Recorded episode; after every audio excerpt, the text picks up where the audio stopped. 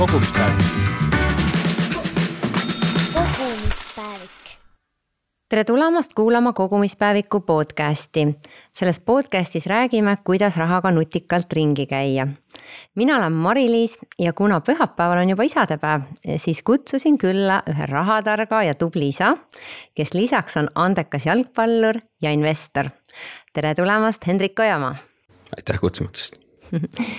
räägi natukene meie kuulajatele, et kes sa oled, et kindlasti on inimesi, kes sind ei tea. mina olen Henrik, nagu sa ütlesid, ma mängin jalgpalli, olen olnud terve oma täiskasvanu elu professionaalne jalgpallur, mis oli alati juba lapsena minu suur unistus. ja sellele lisaks siis ütleme nii viimased umbes viis aastat olen olnud ka investor ja sellest nüüd paar aastat olen oma tegemisi ka jaganud avalikumalt internetis, blogi ja sotsiaalmeedia kaudu mm. -hmm aga võib-olla enne, kui lähmegi sinu tänaste tegemiste juurde, uurin natukene, et kust see kõik alguse on saanud. et äh, sa siin ütlesid, et äh, oled pärit äh, suurest perest, kus oli neli last, on tänaseks ikka veel kenasti. aga mis see, mis see, kuidas see kodune õhkkond oli, et mis, millist rahatarkust sa sealt kaasa said või, või kuidas, kuidas teid õpetati? jah, et ma olen pärit paljulapselisest perest, nagu sa mainisid, et meil on kolm venda ja üks, üks õde. ja kindlasti vaatan tagasi oma lapsepõlve väga positiivsete emotsioonidega, et äh, olen väga tänulik oma vanematele, et äh, kõik need väärtused ja, ja nii-öelda hinnangud, mis, mis selle kaudu välja kujunesid, on mind oma ülejäänud elus väga palju aidanud, et ma ei, et võib-olla otseselt, kui me räägime konkreetselt investeerimisest, siis. siis see nii väga ei olnud aktuaalne teema, küll aga vaadates, kui, kui kohusetundlikult äh, mu vanemad oma, oma rollides äh, töötasid, oma rollides äh, olid meile toeks, et see see on midagi, ma arvan, mida ma hindan, hindan üle kõige selle, selle perioodi, perioodi jooksul, et see on andnud mulle, ütleme sellised põhiväärtused, mis on mulle oma elus väga palju kaasa andnud. aga kuidas te jalgpalli juurde jõudsite, ma saan aru, et tegelikult kõik äh, pojad siis mängivad jalgpalli, kes siis vähem, kes rohkem täna? jah, et mina olen mänginud terve oma täiskasvanu elu professionaalset jalgpalli, nagu ma mainisin. minu noorem vend Hindrek on samuti mänginud Eesti koondise eest, on mänginud äh, nii välismaal kui Eestis äh, väga pikalt ka professionaalselt ja mängib endiselt. ja minu, meie vanem vend Harri oli ka noorena jalgpallur ja nüüdseks on ta tegelenud pikalt jalgpalliagendina, et Harri praeguseks esindab, ütleme umbes pooled või isegi üle poolte Eesti praegusest jalgpallikoondislastest, tema on nende agent. et ja siis meie noorem õde mängis, mängis korvpalli, ta oli noortekoondistes ka kapten ja nüüd on keskendunud oma õpingutele ja. ja õpib medõeks, on juba töötanud EMO-s natukene ja on, ja on väga, väga tubli kuidas me jalgpalli juurde jõudsime, mäletan, et eh, siis, kui me elasime Nõmmel, siis seal oli, ütleme meie sellises rajoonis, meie lähedal elas väga palju sarnases vanuses poisse ja siis me kogu aeg mängisime jalgpalli hoovis. ja selle, sellega, selle nii-öelda selle kaudu minu vanem vend hakkas kõigepealt käima jalgpallitrennis ja siis mina, mina ei tahtnud kauaks maha jääda ja mina hakkasin ka käima jalgpallitrennis ja sealt hiljem juba minu, meie nooremal vennal polnud just, polnud just muud, uut valikut enam väga lahe, et selline pisiku andmine edasi ka, et ma saan aru, et isa ja ema ei mängi jalgpalli. ei mängi jalgpalli. käivad rohkem vaatamas eh, jah, ma arvan, et isa on käinud rohkem vaatamas, et emale emale meeldib meid kõrvalt toetada pigem. See on Aga, väga suur asi. jah, et see on, ma arvan, et kui ma mõtlen, mõtlen nüüd tagasi jah, rohkem sellele, et kui. kui suur pingutus see pidi nendelt olema, et meid toetada, trenni viia, trennist tuua, käia kaasas turniiridel, kõik sellised asjad, et see on ikkagi väga, väga, väga suur ette, ettevõtmine, et see. ilma selle toetuseta oleks kindlasti olnud väga, väga keeruline midagi saavutada, et selle eest olen, olen väga tänulik. nii tore seda kuulda et just see tegelikult see nii-öelda taustajõud on ikkagi väga oluline. aga ma küsin, et äh, sinu esimene palk, et äh, kas sa käisid ka, ma ei tea, vahel suvel tööl või, või, või millal sa said esimese palga omale? ma ei käinud kunagi sellist suvetööd tegemas, et äh, kõik suved olidki ikkagi väga, väga jalgpalli, jalgpalli fookusega, et ma käisin turniiridel palju ja, ja nii edasi. et minu esimene palk oligi siis, kui ma sain kuusteist, siis, siis on nii-öelda lubatud noormängijatel minna mängima välismaale, vähemalt Inglismaale, kust mulle tehti siis sellel ajal pakkumine Derby County'st sellises meeskonnas, kes mängis Inglismaa kõrgliigas. et kuueteistaastaselt sa võid alla kirjutada nii-öelda stipendiumilepingule, et sa ei tohi veel olla professionaalne selles vanuses, sul ei tohi maksta nii-öelda nagu seda. normaalset palka ei tohi maksta normaalset palka, ütleme nii jah. et ma arvan, see stipendiumi lagi oli kuskil, ma arvan, see võis olla umbes viissada naela kuus sellel ajal, aga noh, klubi poolt on kõik sulle elamine, toit, toitumine, kõik, kõik nii-öelda jalgpalliks vajalik ka on kõik nende poolt. aga nii-öelda sinu taskuraha on see viissada eurot, et eh, siis, kui sa saad kas oli seitseteist või kaheksateist, siis sa võid alla kirjutada selle profession-, profilepingu ja siis nagu see lagi kaob sealt ära, et kui palju sa, kui palju sulle ollakse nõus maksma, aga ma arvan, et esimese viiesajaga ma ei teinud kindlasti midagi mätsikut, et ma, et ma mäletan, et eh, meie nii-öelda noortemeeskonnast sel hetkel, et paljud käisid juba siis kui sa, kui sa oleks vaadanud neid kõrvad, sul oleks võib-olla tundunud, et nad on juba professionaalsed jalgpallurid, sest see, mis ütleme, mis, mis brände nad kandsid, mis nii-öelda aksessuaarid, kõik siuksed asjad, et see oli juba väga nagu. see viissada väga kiirelt löödi selle peale laiaks, aga mul võib-olla ei olnud sellist, sellist, sellist huvi, et ma pigem suhteliselt väga-väga suur osa sellest jäi mul üle, sest lihtsalt see oligi nii-öelda ainult taskuraha, kõik muu oli klubi poolt juba ette nähtud. et ma mõtlen, ma vist, kas ma olin poolteist aastat äkki selle stipendiumi peal, kuni ma oma esimese profilepingule alla kirjutasin. et selle ajaga ma sain säästa endale, säästa endale piisavalt raha, et teha autole esimene sissemakse, ma mäletan. et kuhugi nagu, kuhugi nagu sihukesesse väga, väga huvitavasse kohta ei, ei läinud, ma arvan, et siis, kui ma hakkasin saama nii-öelda esimest suuremat palka väga korralikku palka, ütleme, olin äkki sihuke jalgpalli kohta, ma arvan, selline kakskümmend, äkki kakskümmend üks et siis ma küll, siis ma küll tegin nagu ühe sellise ostu, mis oli nagu sellele. sellele nii-öelda image'ile vastav, et ma ostsin, see, mis mul täna ka näiteks on see kell, mis oli alati mulle nii-öelda. ma mõtlesin, et ma sooviks seda kella pikalt, et see on äh, sihuke kell nagu Rolex Submariner ja siis mõtlesin, et nüüd ma olen nagu saabunud sinna, kus ma, kus ma ostan endale selle kella, kuigi see on tegelikult, kui mõelda nagu jah, nii-öelda rahatargast äh, mõtleme, siis see ei ole, see ei ole selline asi, mida, mida, mida võib-olla kellelegi soovitakse, aga samas kui mul oli nagu ütleme nii, et see oli mulle nagu, see mulle natuke sümboliseeris midagi, et ma olen nagu jõudnud sellisele tasemele on ju. kus ma saan seda endale lubada, jah. ja, ja teine asi võib-olla see ka, et äh, nii palju pingutanud, et äh, ma nüüd teen endale pai. ja, ja noh, see ei olnud emotsioonios selles mõttes, et sa olid äh, pikalt mõelnud, sa olid nii-öelda unistanud. ja ega me tegelikult ka vahel kuulajatele ütleme seda, et, et ongi see pingutad, pingutad, pingud, aga pingutad, aga vahepeal pead pai endale ka tegema, et, et kõigest ei saa nii-öelda loobuda, on ju. ma olen sellega nõus. jaa aga kas, äh, ma mõtlen kuueteistaastasena, noh enne polegi sellist, noh kindlasti oli taskuraha, aga, aga äkki täitsa teises riigis äh, nii-öelda sissetulek oma elu peal. et kas kuidagi, kuidas see mõjus? no see aeg oli selles mõttes väga huvitav, et äh, sa justkui treenid ja elad juba nagu profisportlane, aga see päris, see palk ei ole nagu profisportlase oma, sest sellised on, sellised on reeglid, aga. aga see oli selline periood ka, kus ikkagi oli väga ütleme tihe graafik, et äh, see, see trenniplaan, kõik muu, siis noormängijad peavad käima ka korra nädalas või kaks korda nädalas kolledžis, et see kõik oli väga. väga nii-öelda paika pandud, et sellist vaba aega tegelikult oli väga vähe ja kõik oli suunatud sellele. et eh, võimaldada sulle see tee, et lõpuks profi, profiks saamiseks ja see. ja see oli Eestist tulnuna, see oli ikkagi väga, väga, väga huvitav aeg mulle. Mhm. kas see kooli, kuidas kooliga on, ma tean, et paljud sportlased äh, mingi hetk tulevadki koolist ära, et pühenduda ainult spordile, et äh, kuidas sinul see teekond läks? jah, et ma käisin siin Tallinna Prantsuse Lütseumis esimesed kümme klassi ja siis, kui mul tekkis võimalus minna Inglismaale, siis siin jäi kool pooleli. Mm, ja Inglismaal oli siis mul see kaheaastane, mis on nii-öelda selle stipendiumiga kaasneb see, et sul on kaheaastane teatud nagu spordikraadi saad sa sealt Loughborough kolledžis ma käisin ja siis äh, paar aastat hiljem ma lõpetasin siis gümnaasiumi Eestis ka, et EBS võimaldas mul e-kooli kaudu seda teha. kas see oli sinu jaoks raske mm,? ma ei ütleks, et see oli raske, eks see on niisugune lihtsalt enda Kokkuvõtmine. kättevõtmise asi ja EBS mulle kindlasti ka võimaldas seda, et nad tulid mulle väga palju vastu. et just minu, minu graafiku põhiselt töötada ja, ja lõpuks äh, ka eksamid edukalt sooritada, et selles mõttes see oli väga, väga hea võimalus mulle nende poolt no väga tore, et jäänud pooleli see haridustee. aga millal, noh, kui paljud, paljud sportlased tegelikult äh, näevad äh, seda, et äh, saavad oma raha nii-öelda kätte ja pigem kõik laristavad ära.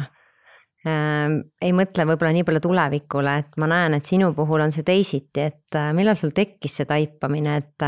et noh, et hakkaks kohe natukene võib-olla raha kõrvale panema ja mõtleks oma tuleviku peale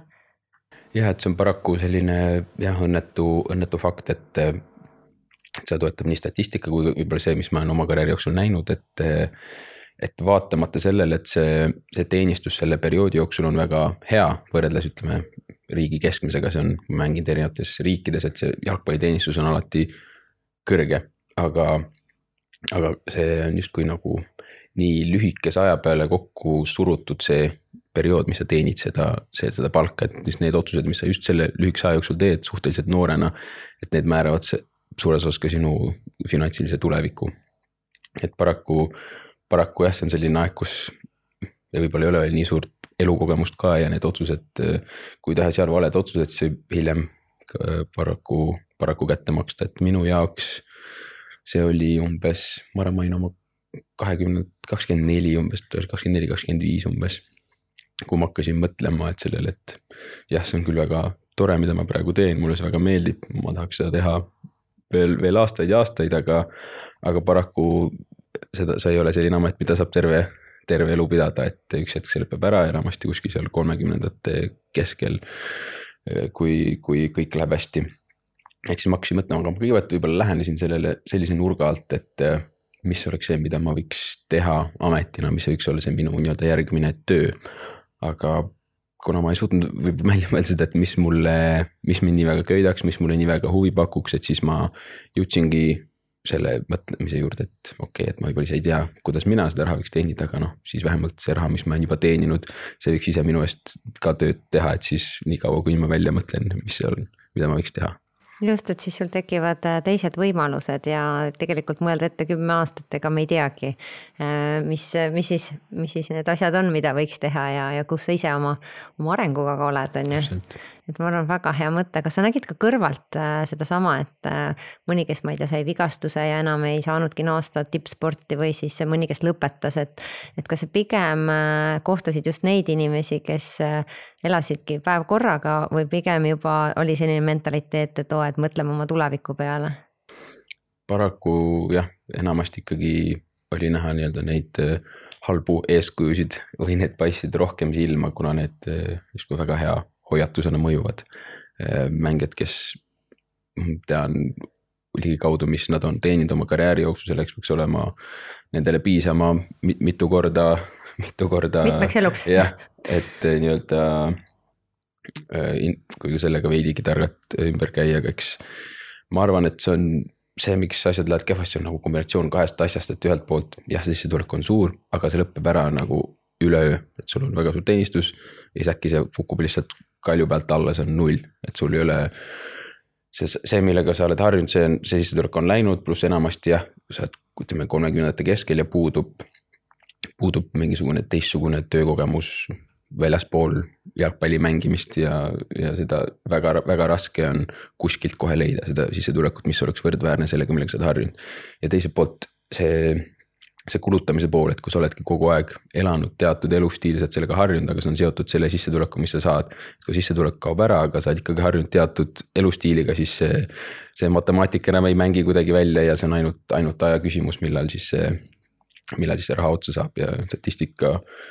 ka kui me räägime Premier League'i jalgpalluritest, siis see on päris, päris õnnetu, et kas ma arvan, et see on umbes kuuekümne viie, seitsmekümne protsendi vahele nendest mängijatest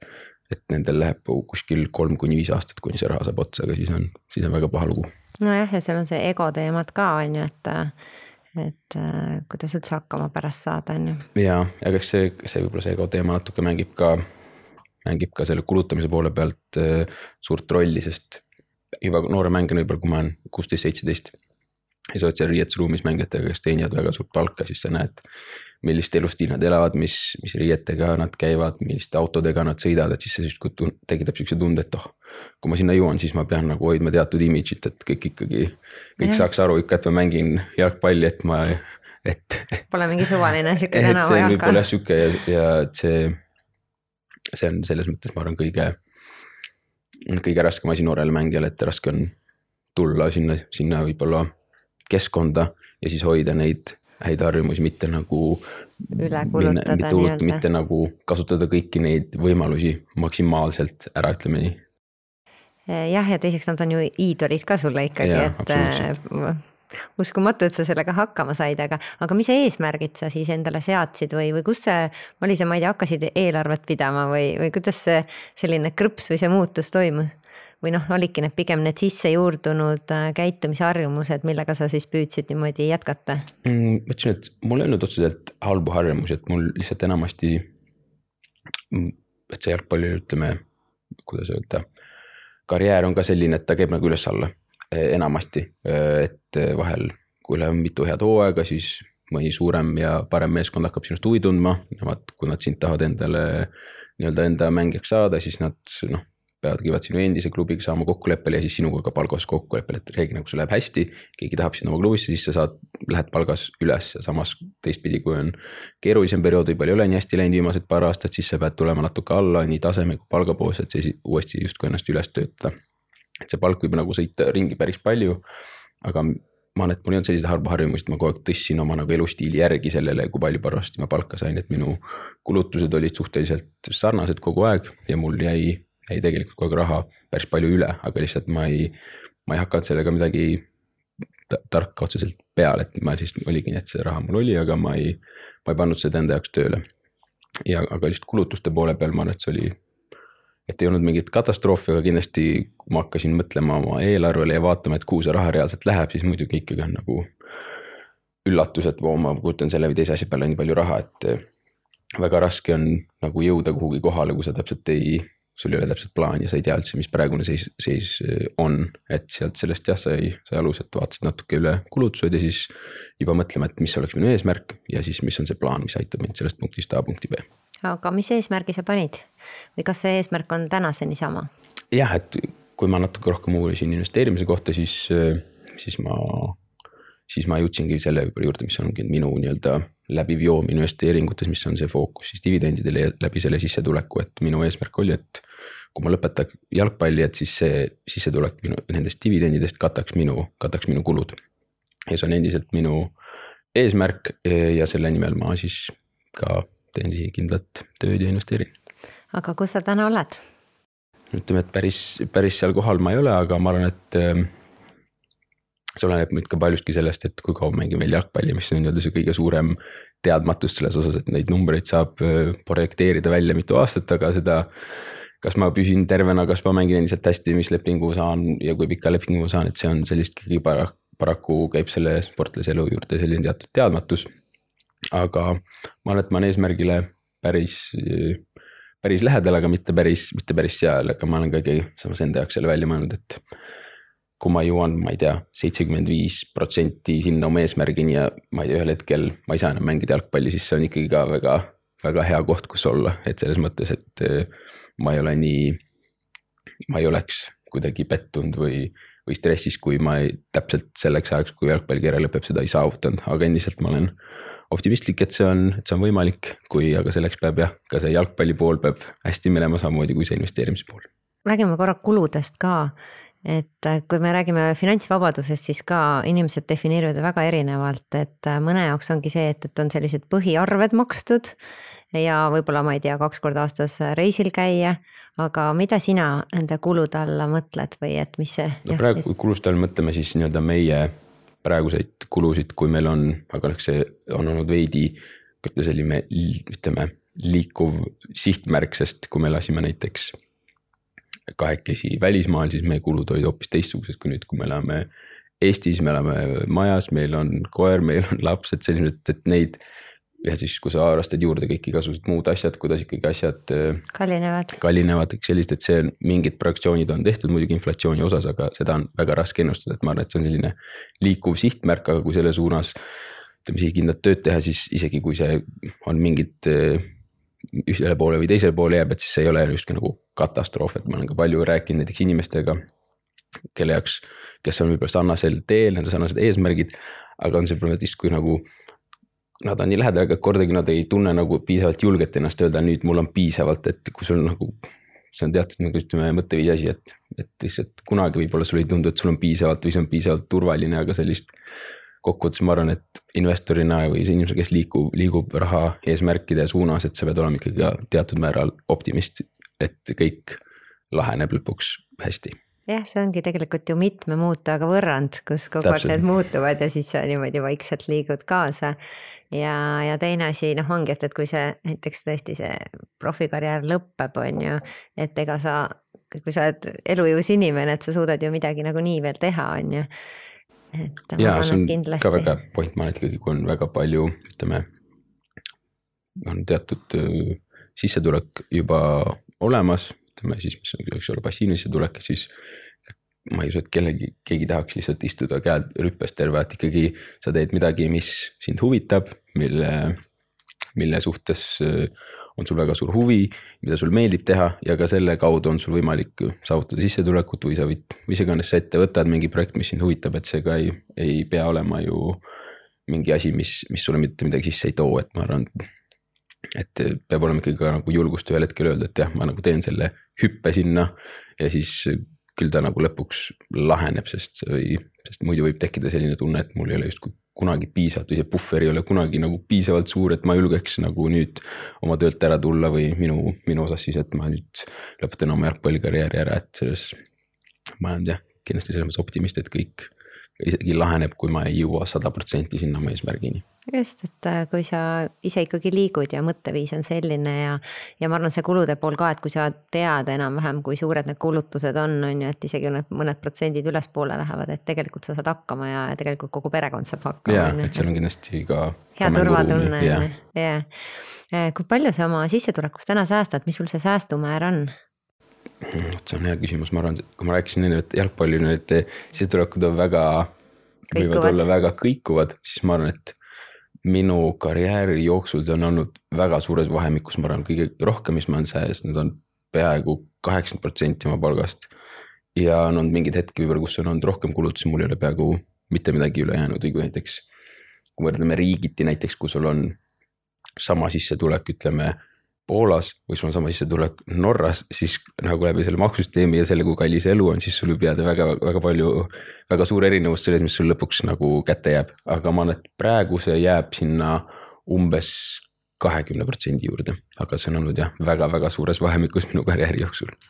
Aga kui sa mõtled üldse, et kui lõpetad karjääri ära, et mis on äh, see riik, kus sa tahaksid elada, kas see on Eesti või, või pigem äh, oled sa mõelnud ka mõne teise riigi peale? Mm, kuna ma jah, nii pika aja oma karjäärist elasin ikkagi välismaal, see oli umbes kas kaksteist, kolmteist aastat järjest, kolmteist aastat järjest jah, mängisin erinevates riikides välismaal. et siis praegu meile küll väga, väga meeldib Eestis ja ei näe nagu ennast siit äh, lahkumas. võib-olla jah, kui meil on selline periood nagu siin oktoobris-novembris, siis vahel mõtled, et selle perioodi võiks olla vahel kuskil mujal, aga pikas perioodis, pikas plaanis kindlasti näeme ennast äh, Eestis jah, vaata, sul on see maailma kogemus ka, et sa iga hetk võid minna, sa tead, mis sind ees ootab, noh, suures pildis on ju.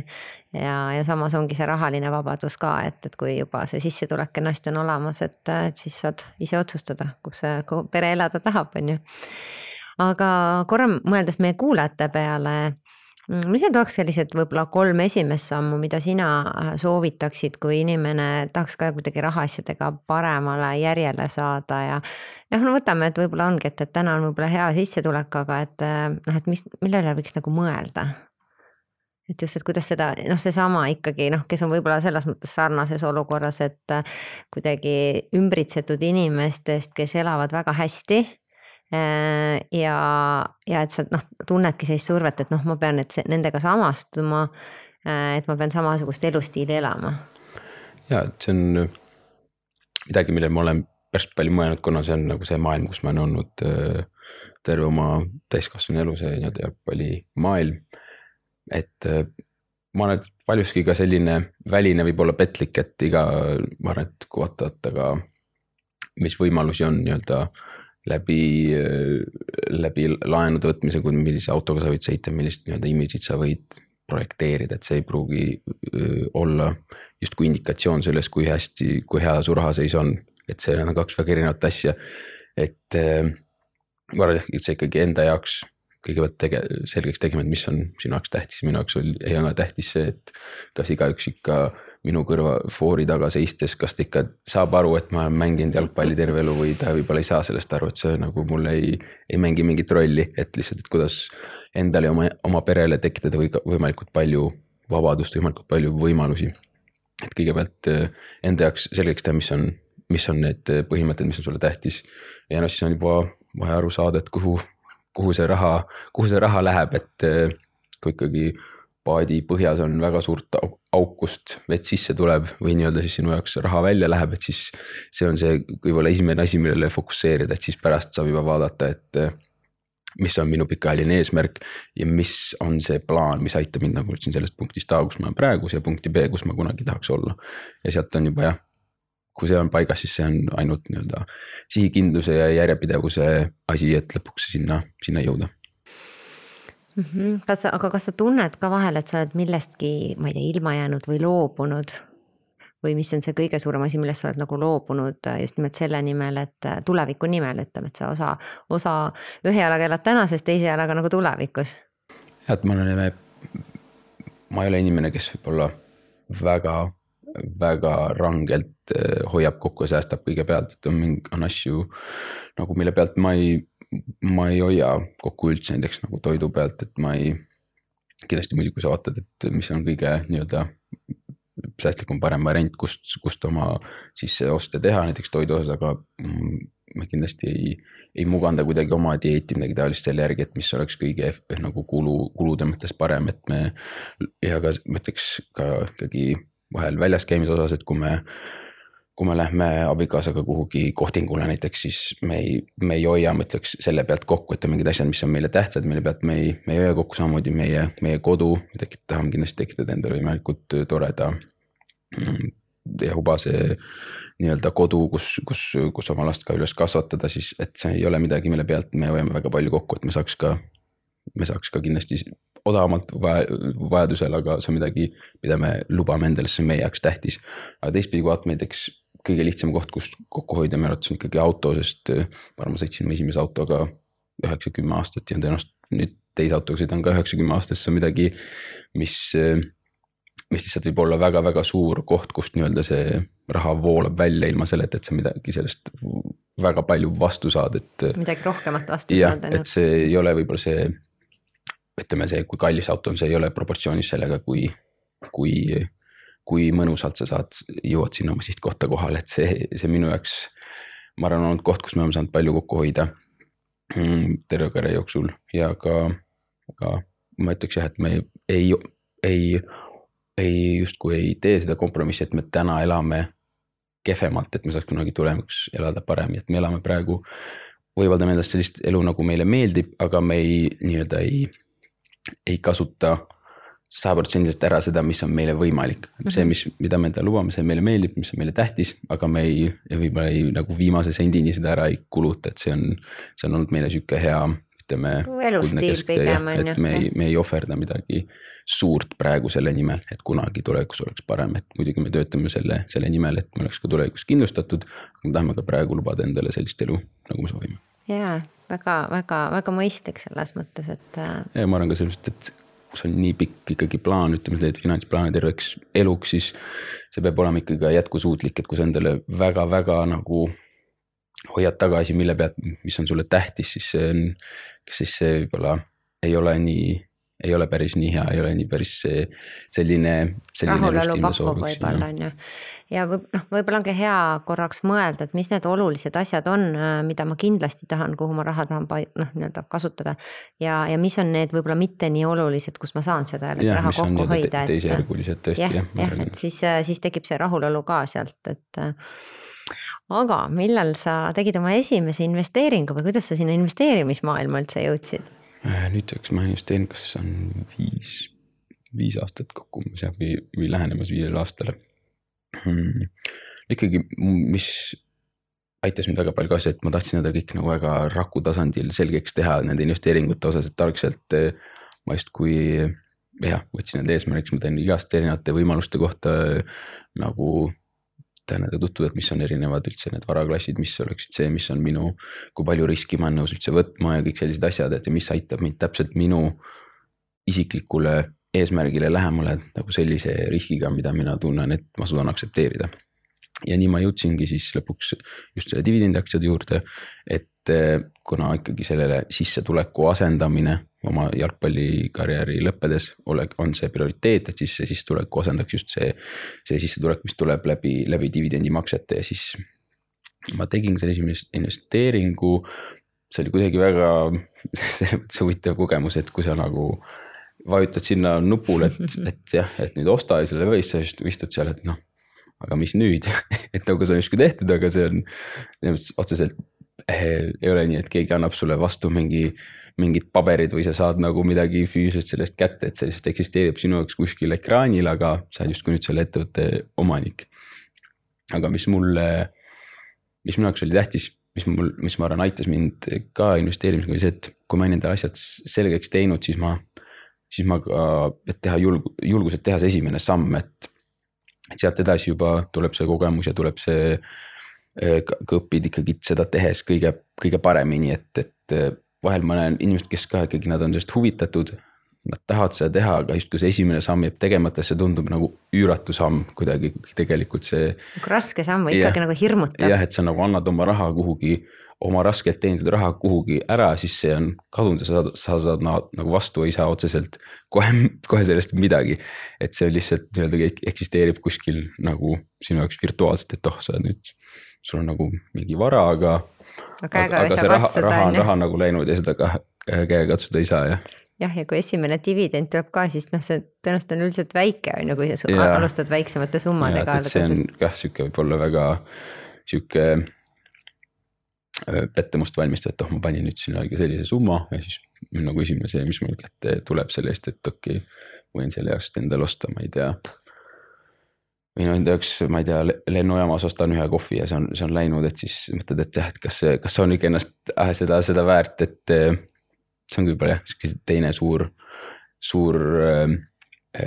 ütleme väljakutse, sest selle järjepidev investeeringute kõige suuremat tulu, isegi nüüd, kui ma nüüd ütleme viis aastat investeerinud, ikkagi sa ei tunne seda, seda liitintressi kõige suuremat mõju, et see on sihuke aasta kümme, kaksteist, viisteist, kus sa hakkad tundma, et vau, et see raha, mis ma olen sinna pannud, et see raha nagu ise tegutseb seal juba ja, ja on ütleme öelda selline summa, mis on juba tundub, et see võib, see võib nagu minu arust midagi muuta, et alguses on nii aeglane see, see käimasaamine, et see võib olla jah et see, seal on, see on sihuke esimene suur, ma arvan, väljakutse, et seal jääda oma plaanile kindlaks ja jääda järjekindlaks. Ma arvan, eriti veel need, kes siis alustavad, noh näiteks aasta tagasi alustasid, et sa järjekindlalt iga kuu paned ja iga kuu lõpus sa vaatad, et seal on vähem raha, kui sa oled sinna sisse pannud. ja, ja võib-olla kohe noh, ongi, et see dividendid on ka väikesed noh, selliste summade pealt ja siis. et tõesti seda motivatsiooni hoida, et noh, et miks ma nagu pingutan ja hoian kokku ja siis investeerin ja siis vara väärtus on ikkagi väiksem, on ju. samas on jällegi parem, kui sa oleks ära kulutanud, siis on noh, null on ju, siis on miinus sada protsenti. ja, et kindlasti noh, see on nii huvitav, kuna minu arvates ka investeerimine on väga suures osas ka psühholoogiline, et see on. see, see, see nagu kaotuse valu justkui on palju suurem kui see rõõm, kui sa saad sellest, kus investeering kasvab, et see on pärast ikka, et ah, kas ma tegin siin midagi valesti, kas. kas see asi ikkagi toimib, kõik sellised mõtted kindlasti tulevad inimestel pähe, et kui me vaatame, kes alustasid võib-olla jah, nüüd siin mingi aeg tagasi, kui ma ei tea, oleks võinud kinnisilmiga valida midagi, et kõik, et see oleks, see oleks olnud kasumlik, kui kõik siin ütleme peale, peale seda esimest koroonalainet justkui kõik, kõik aktsiad läksid üles ja sa ei, ei, väga raske oli eksida millegiga, sest et ma arvan, et see aasta on olnud palju, paljuski ka hea õppetund sellele, et see on ikkagi pikk protsess, sa pead usaldama seda plaani ja see ei ole nii lihtne, et see läheb sul iga aasta ma ei tea, kümme, viisteist protsenti üles, nagu sa võib-olla lootsid või nagu sulle tundub väljast, et kui see võib olla ka võib-olla vahel ekslik, et kui räägitakse nii-öelda ajaloolisest keskmisest tootlusest, siis see on väga pika aja peale, mille sisse jääb kordumatuid langusi ja kriise ja, ja õudsaid probleeme ja kõike sinna sisse, et. kordumatuid tõuse ka. jah, et seda ikkagi ei saa, ei saa võtta nii, et nüüd see aasta kümme järgmine aasta kümme, siis jälle kümme protsenti, et see on ikkagi väga-väga pikk protsess ja ikkagi sa pead usaldama seda ja olema, kui me rääkisime ennem ka, et ikkagi teatud mõttes sa pead, sa pead olema optimistlik inimene, et investeerida. ja kui ma mõtlen ka nende keskmiste peale, et äh, tihti räägitakse SB viiesaja mingit ajaloolisest äh, näitajast, on ju, et siis kui sa üksikaktsiaid ju ostad, et noh, see võib hoopis teisi tulemusi anda, noh mõlemas suunas, et. Äh, absoluutselt ja ma arvan, et see on ka ikkagi väga, väga tähtis endale teadvustada, et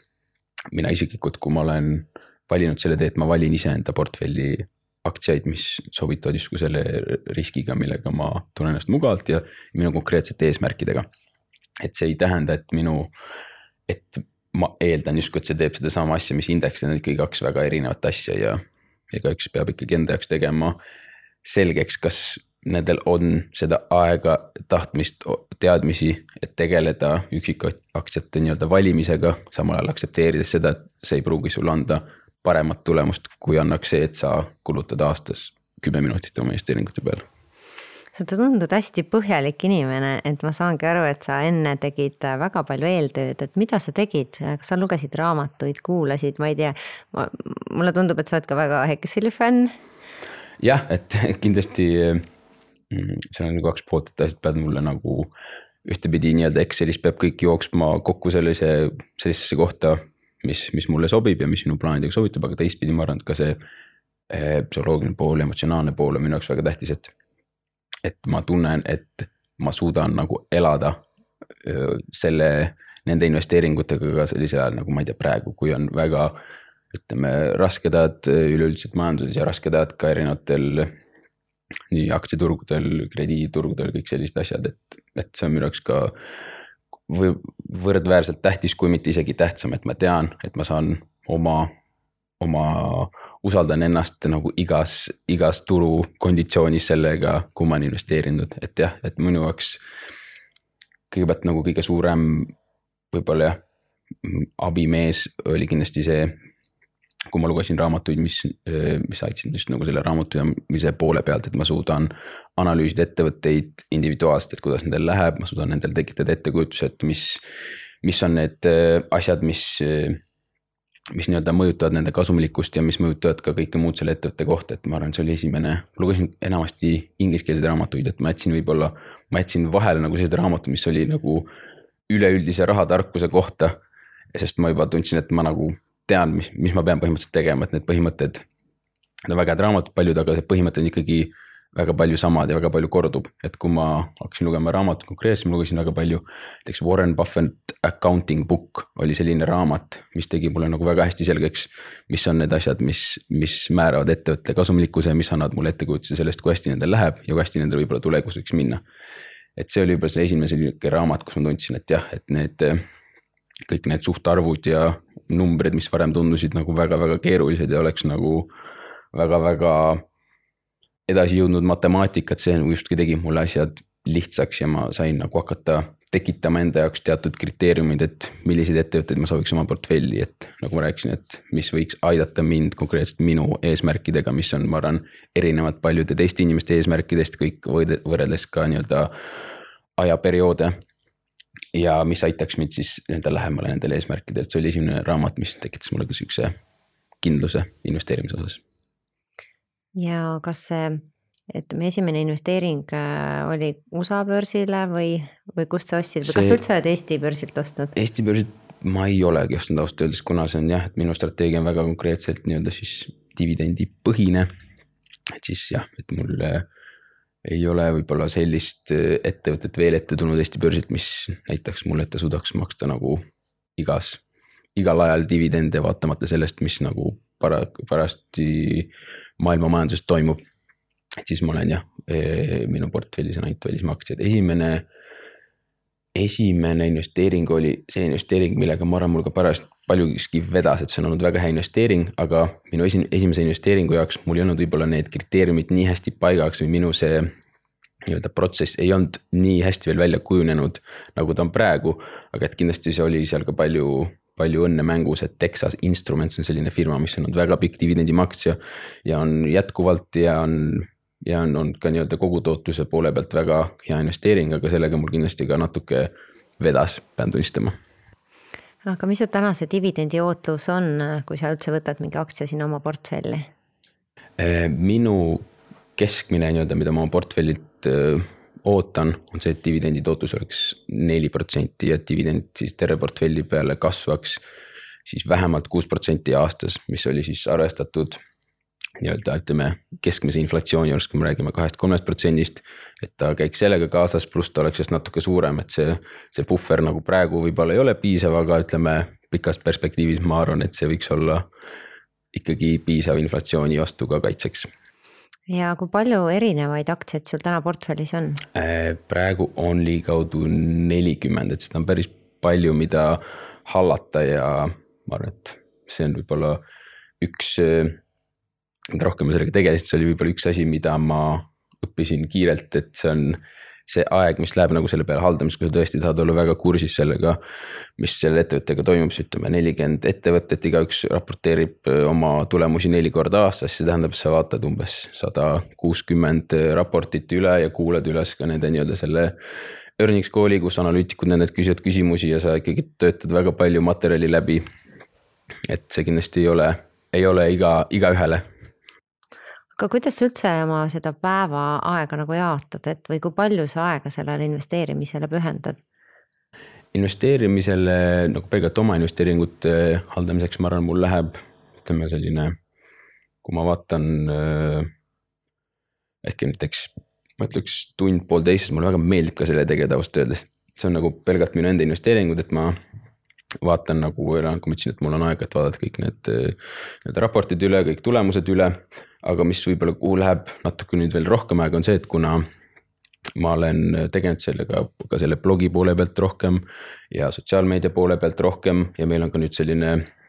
nii-öelda platvorm, mis on siis nagu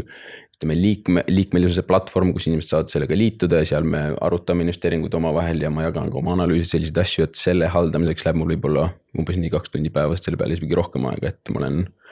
aga jah, ma selline varajane ärkaja, eriti viimasel ajal, kui laps on sündinud, siis ma olen suhteliselt vara juba üleval ja siis mulle meeldib see hommikune aeg, et kõik sellist analüüsi ja sellist,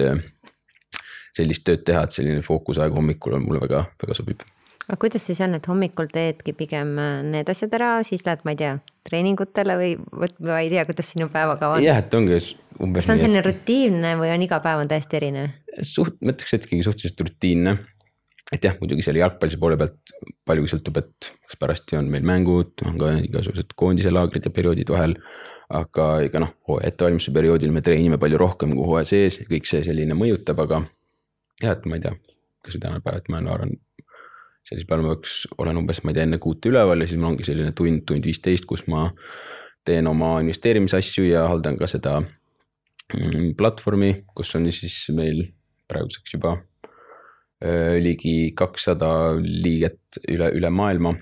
ja siis, siis ma, siis ärkab juba laps üles ja siis, siis meil on, me alustame päeva sellega, et me koos mängime natuke.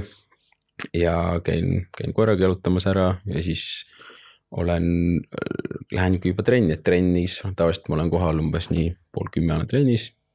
trenn on ütleme paar tundi, seal on ka miitingud, sellised asjad juures. vahel ka jõusaalitrennid, aga jah, et see on selline töö, mis tegelikult nagu see neto tööaeg on suhteliselt lühike, et ma olen tavaliselt umbes nii kella, kella kaheksa juba kodus, poole kaheksa vahel isegi juba kodus.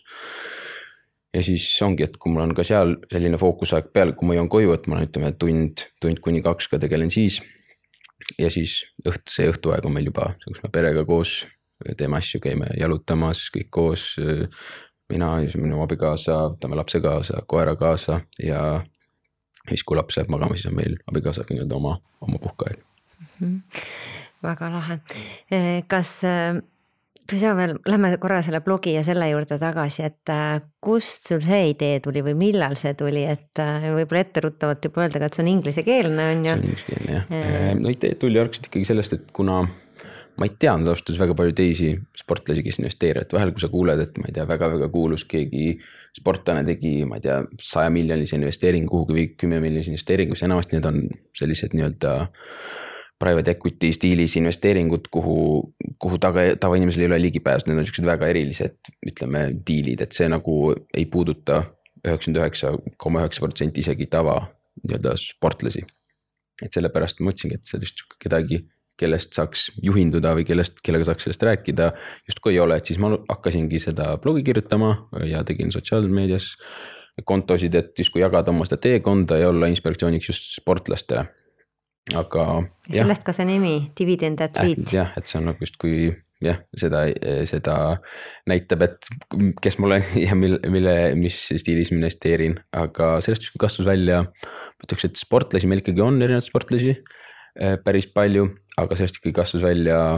ka midagi suuremat, sest enamus inimesed praegu, kes meid jälgivad, on ikkagi, ei, ei ole sportlased.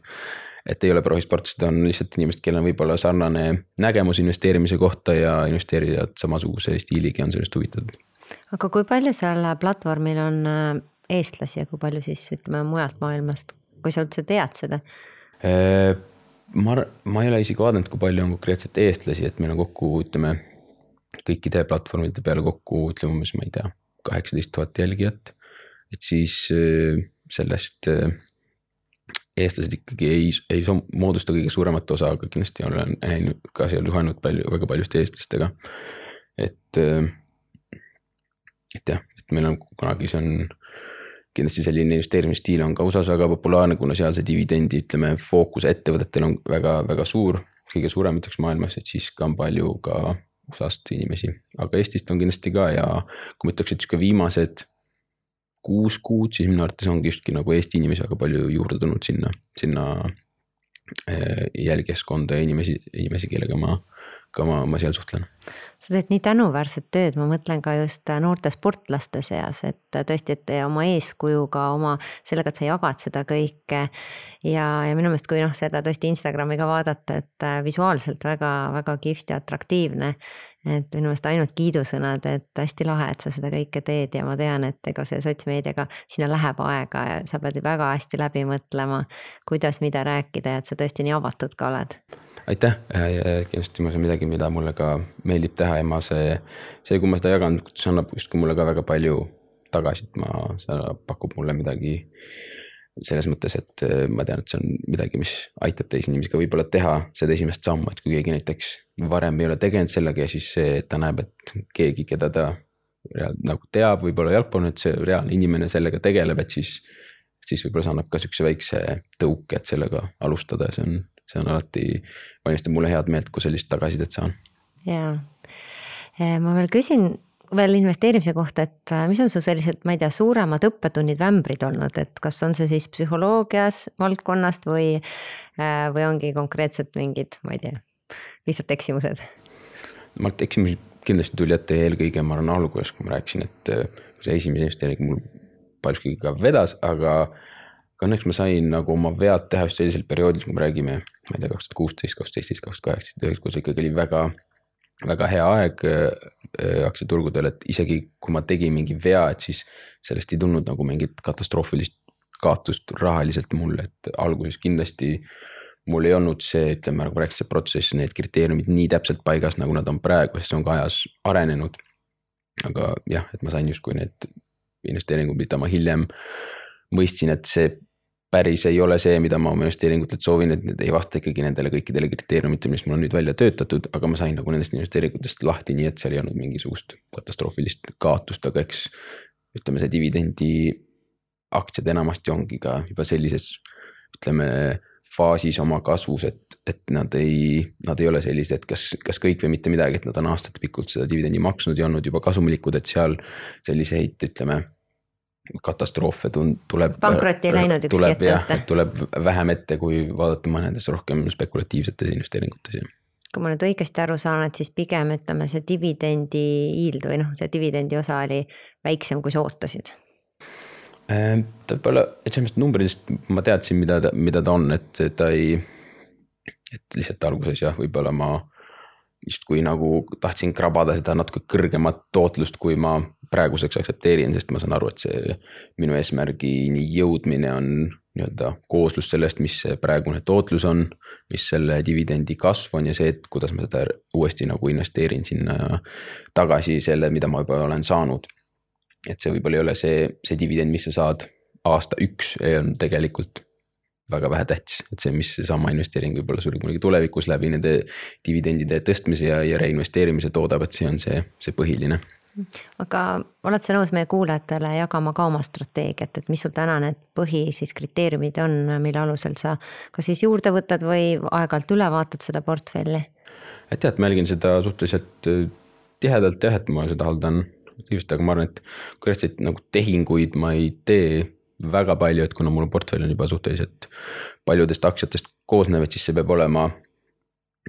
väga palju parem sellest, mis mul juba on. Et, et midagi välja vahetada või juurde võtta, sest nagu praegu kõiges on juba tegelikult väga suur töö seda hallata.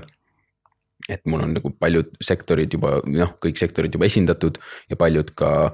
regioonid esindatud, et siin on teatud nagu hajutatus juba saavutatud, aga põhiliselt jah, mis ma vaatan, on see, et kuna see on ikkagi see dividendi sissetulek on minu jaoks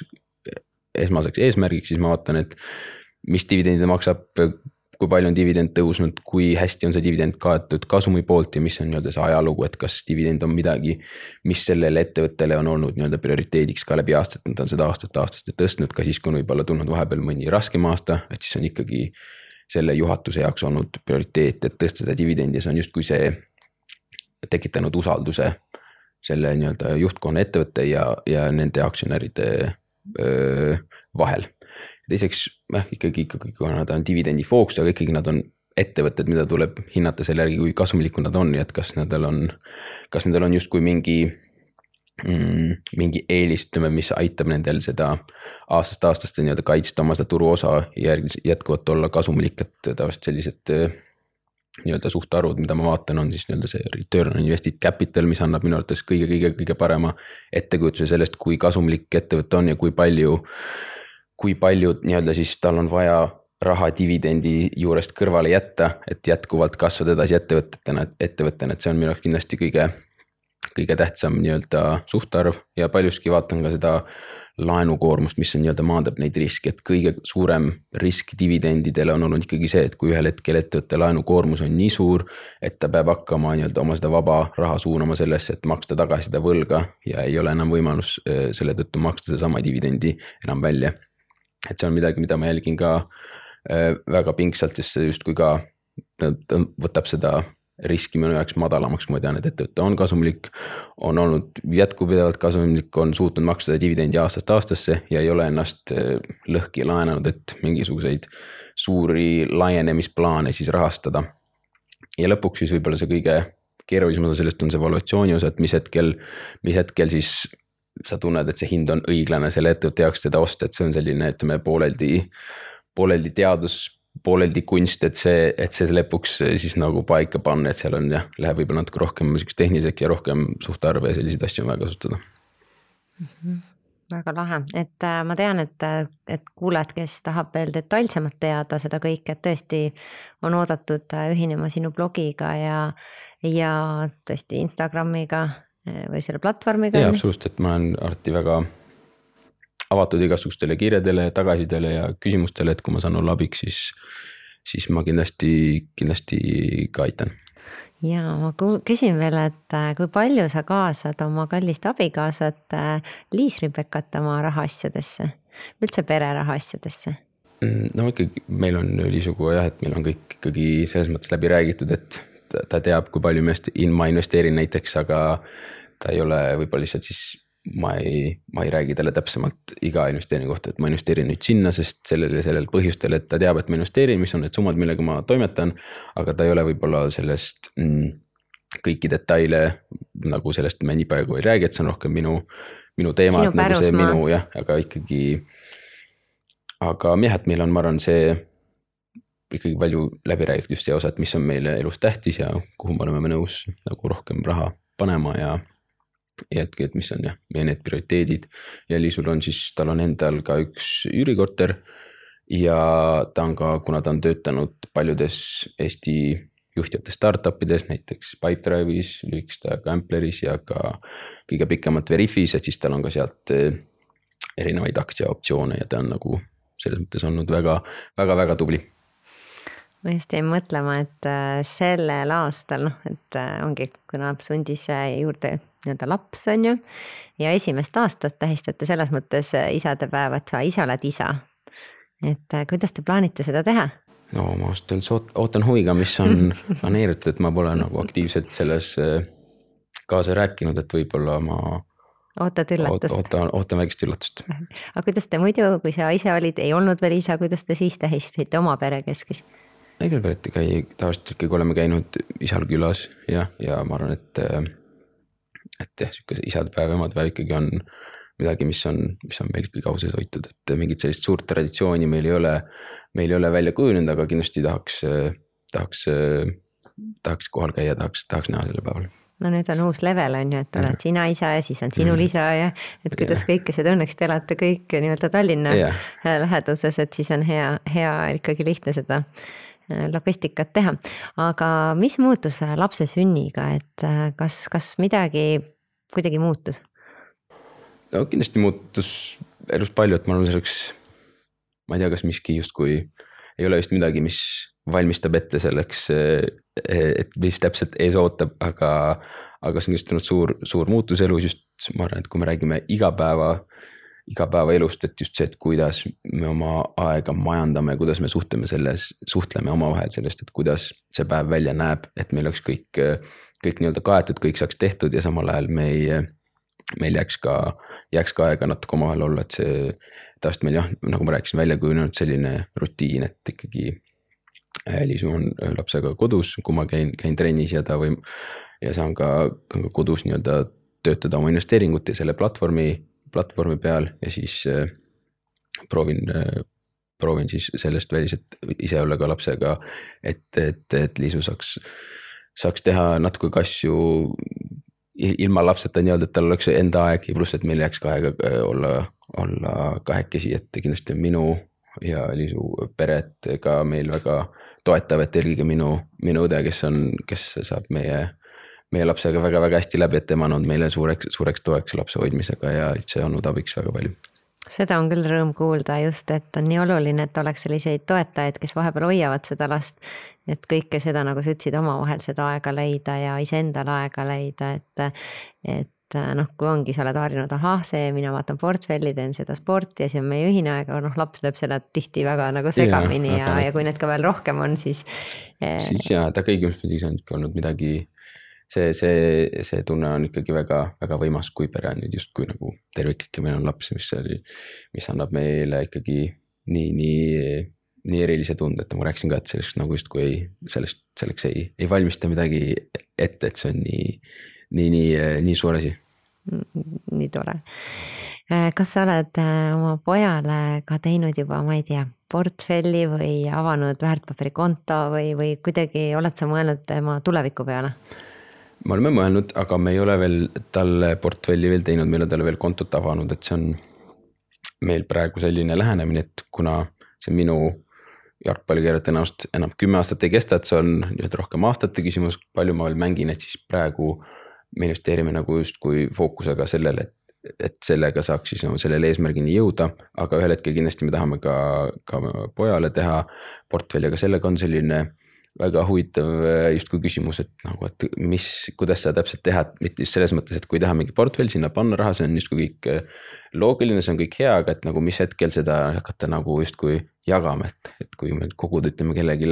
viisteist, kaheksateist aastat seda raha ja siis anda see kätte, et palun, me oleme siin investeerinud, see on sinu raha. et võib-olla mõtlen ise, et mis otsuseid ma oleks siis teinud selle rahaga, et võib-olla mitte kõige paremaid, et peab äkki ka nagu paralleelselt viima kurssi sellega, et mis, kuidas see raha on kogutud ja et võib-olla seda võiks ka edasi koguda, et. või siis võib-olla see raha nagu justkui kunagi, ma ei tea, mitte päris kuueteist aastaselt kätte anda, aga võib-olla nagu natuke hiljemas faasis, aga samas see on sihuke väga,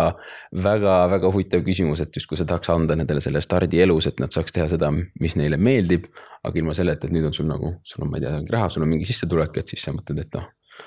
ma ei tea, nüüd ma justkui, mul ei ole nagu mingit eh, lõket jalge all, et ma peaks midagi ette võtma kohe, et see teistpidi nagu ka olla võib-olla justkui vastu töötada, et see meil ei ole päris täpselt veel läbi, läbi räägitud, et sellele peab mõtlema no just, et kui sa oled võib-olla tead seal kaheksateist aastat kogunud äh, või investeerinud ja siis äh, on see, ma ei tea, poole aastaga laiaks löödud, et see on väga kurb yeah.. aga noh, seal ongi see mõttekoht, et kas äh, tõesti enda portfelli osana on ju, et sa tead, et ahah, sealt ma saan finantseerida siis lapse mingeid õpinguid, on ju. või siis tõesti see, et, et lapsele see konto, aga noh, siis läheb juba tegelikult need kõik talle, noh, tal on tegelikult igal ajal sinna juurdepääs, on ju või siis ongi see, et koos vaata hakata neid, ma olen, ma juba, mulle tundub, et kui ta kasvab, et sa peagi kaasad teda sinna oma aktsiamaailma ja, ja koos niimoodi nokitseda, et äh, kui tal vähegi huvi on, on ju, aga ma arvan, et noh, nähes neid äh, inimesi ja kes ise on ise nii kuidagi õhinal seal, et tavaliselt on ikkagi lapsed kaasatakse ka. ma arvan, et see ongi kõige õigem ja. ja see oleks kindlasti tore. jah, koos neid asju teha aga, aga ma arvan, et me võimegi tänaseks kokku tõmmata, et minu meelest äh, Äh, hästi head mõtted ja, ja mulle väga meeldib sinu selline mõtteselgus ja et kuidas see põhjalikkus, kuidas sa oma neid äh, eesmärke sead, kuidas sa neid äh, samme teed, mida sa teed. et seda on hästi lust kuulata, et kas sa tahad veel midagi lisada või, või tahad sa jällegi võib-olla inspiratsiooniks, et üks on need tõesti need sinu asjad, mida sa kajastad oma sotsmeedias, aga võib-olla veel keegi, keda sa ise jälgid või kes sind inspireerib jah, kõigepealt, et aitäh, et mind kutsusite, väga-väga tore oli, tore oli nendel teemadel vestelda, et, et see, mis te teete, on väga, väga, väga kiiduväärt ja mulle nendele, mulle alati, alati meeldib nendel teemadel vestelda, et väga tore, et meil see võimalus oli. Eh, mis on võib-olla, mis mind eh, inspireerinud, võib-olla vast kui ma ütlesin, ma alustasin, siis jaoks oli probleem see, et ei olnud justkui kedagi sportlast, keda ma saaks justkui kellest juhinduda ja vaadata, et see oli. ma ütleks, et mul on sellist justkui eeskuju, aga ma arvan, et väga paljud äh, ikkagi, kui ma jälgin teistsuguseid, teistsuguseid ka kontosid ja sotsiaalmeediast, kui, aga ei ole, ma ütleks sihukest, keda ma suudaks, ütleks välja, et see on minu suur eeskuju, et igalt poolt justkui natuke midagi on võtta. keegi, ma ei, ma ei tunne, et ma nagu sarna-, nagu samastun kellegi teise olukorraga sajaprotsendiliselt, ma arvan, see on. võib-olla, mis ma ütlekski, ongi, et võtta igalt poolt natuke, mis nagu sind kõnetab ja mis sinu olukorraga millega sa suudad samastuda, mis kõnetab sind, mida sa tunned, et see võiks sulle, sulle anda midagi kaasa, et ma paraku ei oska öelda midagi väga konkreetset, aga kui, kui kellelgi jäi mingisuguseid äh, küsimärke või tekkis mõtteid, siis alati saab mulle kirjutada, et nagu sa ütlesid, et ma olen sotsiaalmeedias Dividend Athlete nime all, et sealt saab mind leida ja ma hea meelega vestlen nendel teemadel ja vastan küsimustele nii palju kui, nii palju kui võimalik aitäh sulle ja ma soovin sulle imelist äh, isadepäeva ja kõigile kuulajatele ka ja kõigile isadele, et äh, ägedat isadepäeva. ja kui teil tekkis ka mõtteid, et äh, võite julgesti ka kommenteerida kogumispäeviku Facebooki postituse all või Instagrami postituse all, kuhu me kindlasti selle podcast'i üles ka paneme. lisaks ja seda infot jagame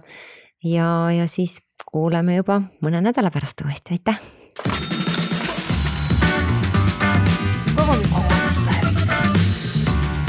kogumispäev.